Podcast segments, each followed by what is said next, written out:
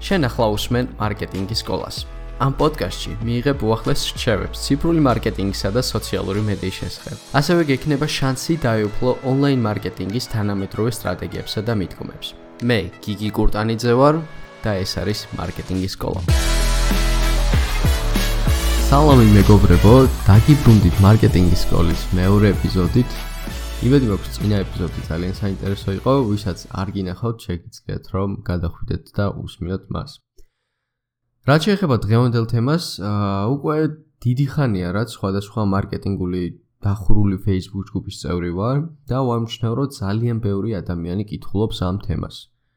კონკრეტულად კი თუ რა უნდა გავაკეთოთ იმისათვის, რომ უმცირესი ბიუჯეტით მაქსიმალური შედეგი მივიღოთ. და მინდა გითხრათ, რომ ეს საერთოდ არ არის მარტივი საქმე.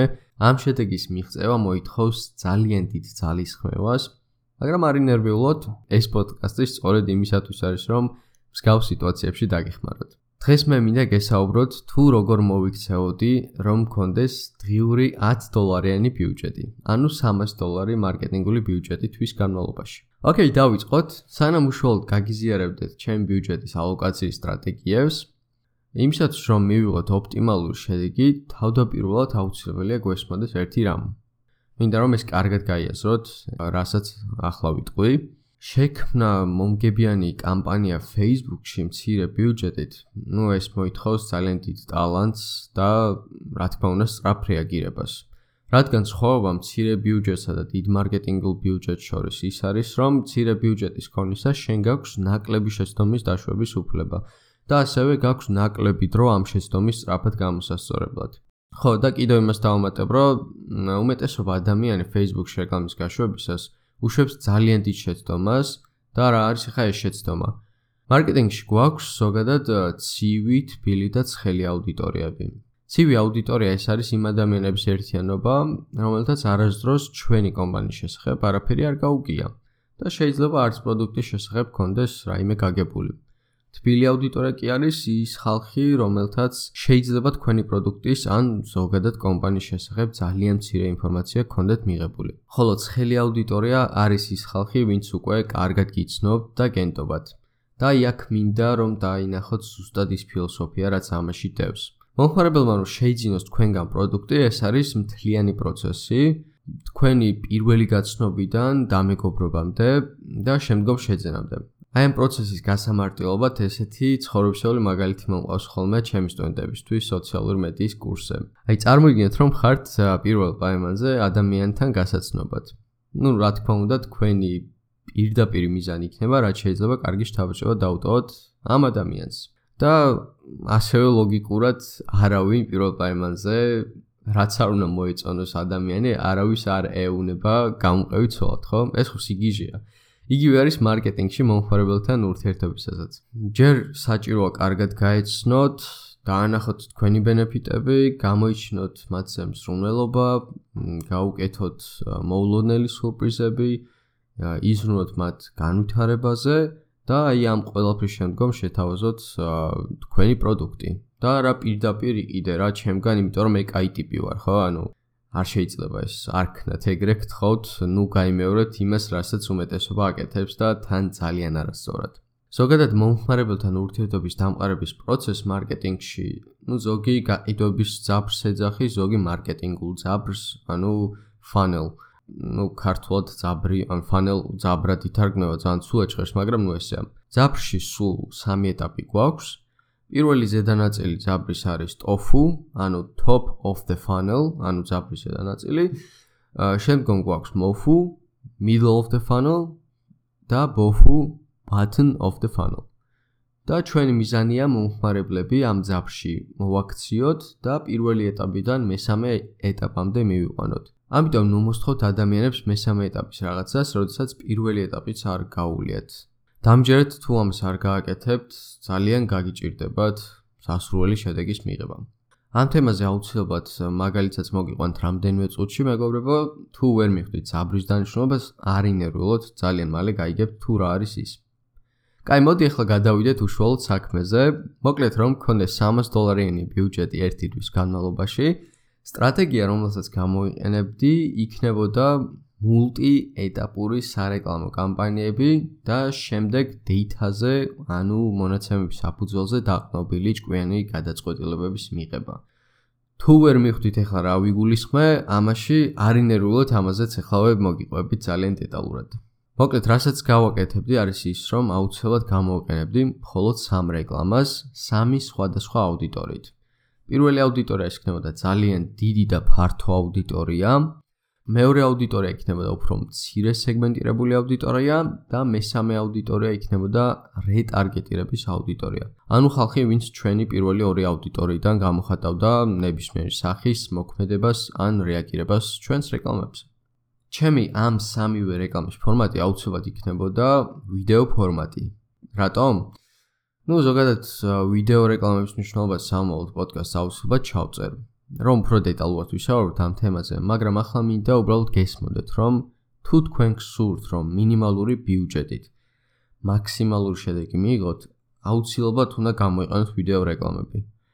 Facebook-ი წლიდან წლამდე უფრო დიდ სივრცეს უთმობს ვიდეოებს, რაც ნიშნავს იმას, რომ Facebook-ს აქვს საკმაოდ დიდი მოთხოვნა ვიდეოების მიმართ. ну, ამას თავისი ახსნაც აქვს, რადგან ისინი თვლიან, რომ ეს არის კონტენტის მიწოდების საუკეთესო ფორმა. სწორედ ამიტომ თუ ჩვენ Facebook-ის ჭკვიან ალგორითმს ვიდეო რეკლამას მივაწვდით, დიდი ალბათობით უფრო მეტ ადამიანსაც მივაწვდით ხმა, ვიდრე ამას ფოტოთი ვისამდით. გარდა ამისა, აქვე მინდა ცოტათი ტექნიკური რჩევაც მოგცეთ, თუ ვიდეო რეკლამას გამოიყენებთ, გექნებათ საშუალება ვიდეოს მნახველებისგან გაფილტროთ ცალკეული აუდიტორია, რომელსაც სამომავლოდ რეტარგეტირებისთვის, ანუ მესამე რეკლამისთვის გამოიყენებთ. ხო, ამაზე ცოტა მოგვიანებით უფრო დეტალურად ვისაუბროთ. მანამდე კი იმასაც დავამატებ, რომ რასაც დავაკვირდეთ ეს ბოლო წლებია, ვიდეო რეკლამის გამოყენებისას მაქვს CTR-ი, ანუ პროცენტული მაჩვენებელი იმისა, რომ რამდენმა ადამიანმა დააჭირა რეკლამას. საშუალოდ 1-2% უფრო მაღალია ეს მონაცემი ვიდეო ფორმატზე, ვიდრე ფოტო რეკლამის გაშვებისას. reach-იც და impression-იც საშუალოდ 10-15% უფრო მაღალი მაქვს ხოლმე. და რეკლამაც უფრო ნაკლებად ფესდება აუდიტორიას. ანუ რას გულისხმობ, რომ ფოტოზე ხანდახან ორი კვირის ან ერთი თვის შემდგომ რეკლამის შედეგები იწყებს ხოლმე ძალიან ხშირად დაცემას. ხოლო ვიდეოებზე კი მქონია შემთხვევები, რომ 3-6 თვის განმავლობაში სტაბილურად უმუშავია ვიდეო რეკლამას არანაირი შეფერხების გარეშე. და აი სწორედ აი ამ ზემოთხსენებული მიზეზების გამო გამოვიყენებდი აუცილებლად ვიდეო რეკლამებს და ვამჯობინებდი ნებისმიერ ფოტო ფორმატი იქნება ეს თუ კარუსელის ფორმატი თუ სხვა. კარგით, უშუალოდ რეკლამების ნაწილზე რომ გადავიდეთ, უმჯობესია მოვიყვანო რამე მაგალითი. აი, წარმოვიდგინოთ, რომ სიტყვაზე ვართ სავარჩო დარბაზის კომპანია და ჩვენი მიზანია გავყიდოთ ეს სერვისი. მე რომ გქონდეს 300 დოლარიანი ბიუჯეტი, პირველ რიგში საშუალოდ ჩემ ბიუჯეტის 50%-ს პირველ აუდიტორზე გამოვიყენებდი. რადგან ეს არის ძაბრის ზედა ნაწილი, ანუ ყველაზე დიდი სეგმენტი აქ გვაქვს. და ამ ჩემს ფართო აუდიტორიაზე გავუშვებდი ზოგად კონტენტს. ну, მაგალითად, როგორ გამოვიყურებოდეთ ფორმაში 15 წუთიანი მარტივი დილის ვარჯიშით. ეს ხო ძალიან ზოგადი კონტენტია, რომელთაც ნებისმიერი ფართო სეგმენტის აუდიტორია შეიძლება დაინტერესდეს, ხო?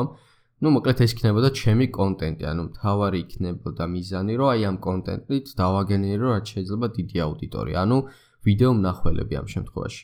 ოკეი, შემდგომ ბიუჯეტის დარჩენილ 30%-ს გამოყენებდი მეორე აუდიტორიაზე. ეს აუდიტორია, თქო უნდა, უფრო კონკრეტული უნდა იყოს აუცილებლად. მაგალითად, სეგმენტის ინტერესში აურჩევდი წონის დაკლებას. რომელიც by the way, ცოტა საფოთო კონტენტია, რადგან თუ თქვენი რეკლამა Facebook-მა აღიქვა როგორც დისკრიმინაციულად, შეიძლება ძალიან სერიოზული პრობლემები შექმნათ.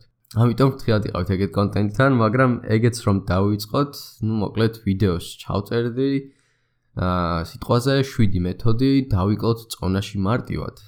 ეს იქნებოდა კონკრეტული აი ამ ძალიან ისეთ სეგმენტირებული აუდიტორიის კონტენტი. და ბოლოს მესამე აუდიტორიაზე, რომელიც არის ჩემი რეტარგეტირების აუდიტორია, ბიუჯეტის დარჩენილ 20%-ს დავახარჯებთ იმ ხალხს, რომლებიც ჩემს პირველ ორ ვიდეოს უყურეს. ან ესტუმრენ მაგალითად ჩემს საიტს, Facebook გვერდს ან Instagram-ს. აუდიტორიის დაგენერება ძალიან მარტივი პროცესია. ბიზნეს მენეჯერში შეგიძლიათ შეხვიდეთ აუდიტორებს სექციაში და სასურველი მოქმედების საფუძველზე შექმნათ სხვადასხვა აუდიტორიები.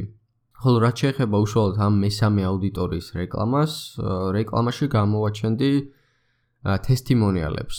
ვინ არიან ტესტიმონიალები? ანუ იმ ხალხს, ვინც სიტყვაზე დაიწყო ჩემი სერვისის გამოყენება. ან ვიდეოს სახით შევთავაზებდი ფასდაკლებას სიტყვაზე პირველი თვე ძალიან დიდი შეღავათით.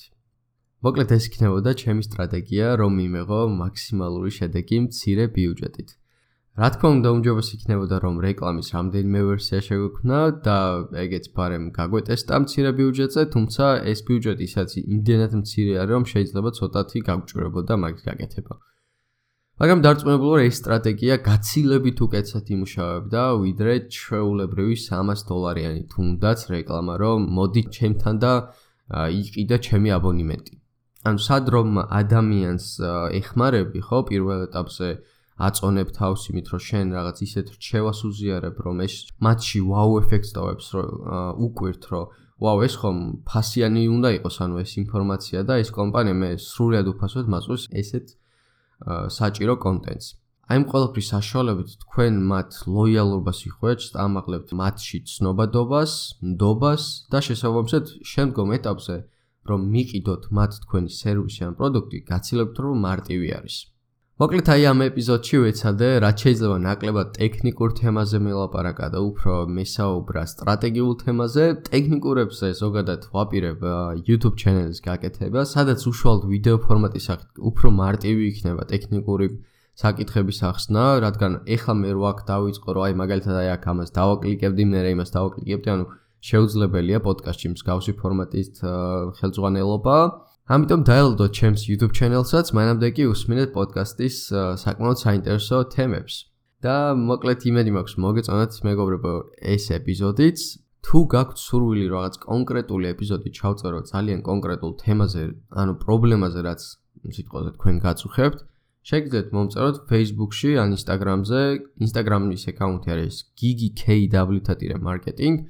ან Facebook-ზე ჩაწეროთ გიგი კურტანიძე, ოღონდ page უნდა მოაგდოს და page-ში მომწეროთ და არა პირად account-ზე, იმიტომ რომ პირად account-ზე ძალიან ბევრი request-ი მაქვს ხოლმე და შეიძლება გამომჩეს. ამიტომ მირჩენია რომ page-ზე მომწეროთ. ხოლო რაც შეეხება დღევანდელ ეპიზოდს, ამით ის დასრულებულია და მომავალ შეხვედრამდე. მადლობა ყურადღებისათვის.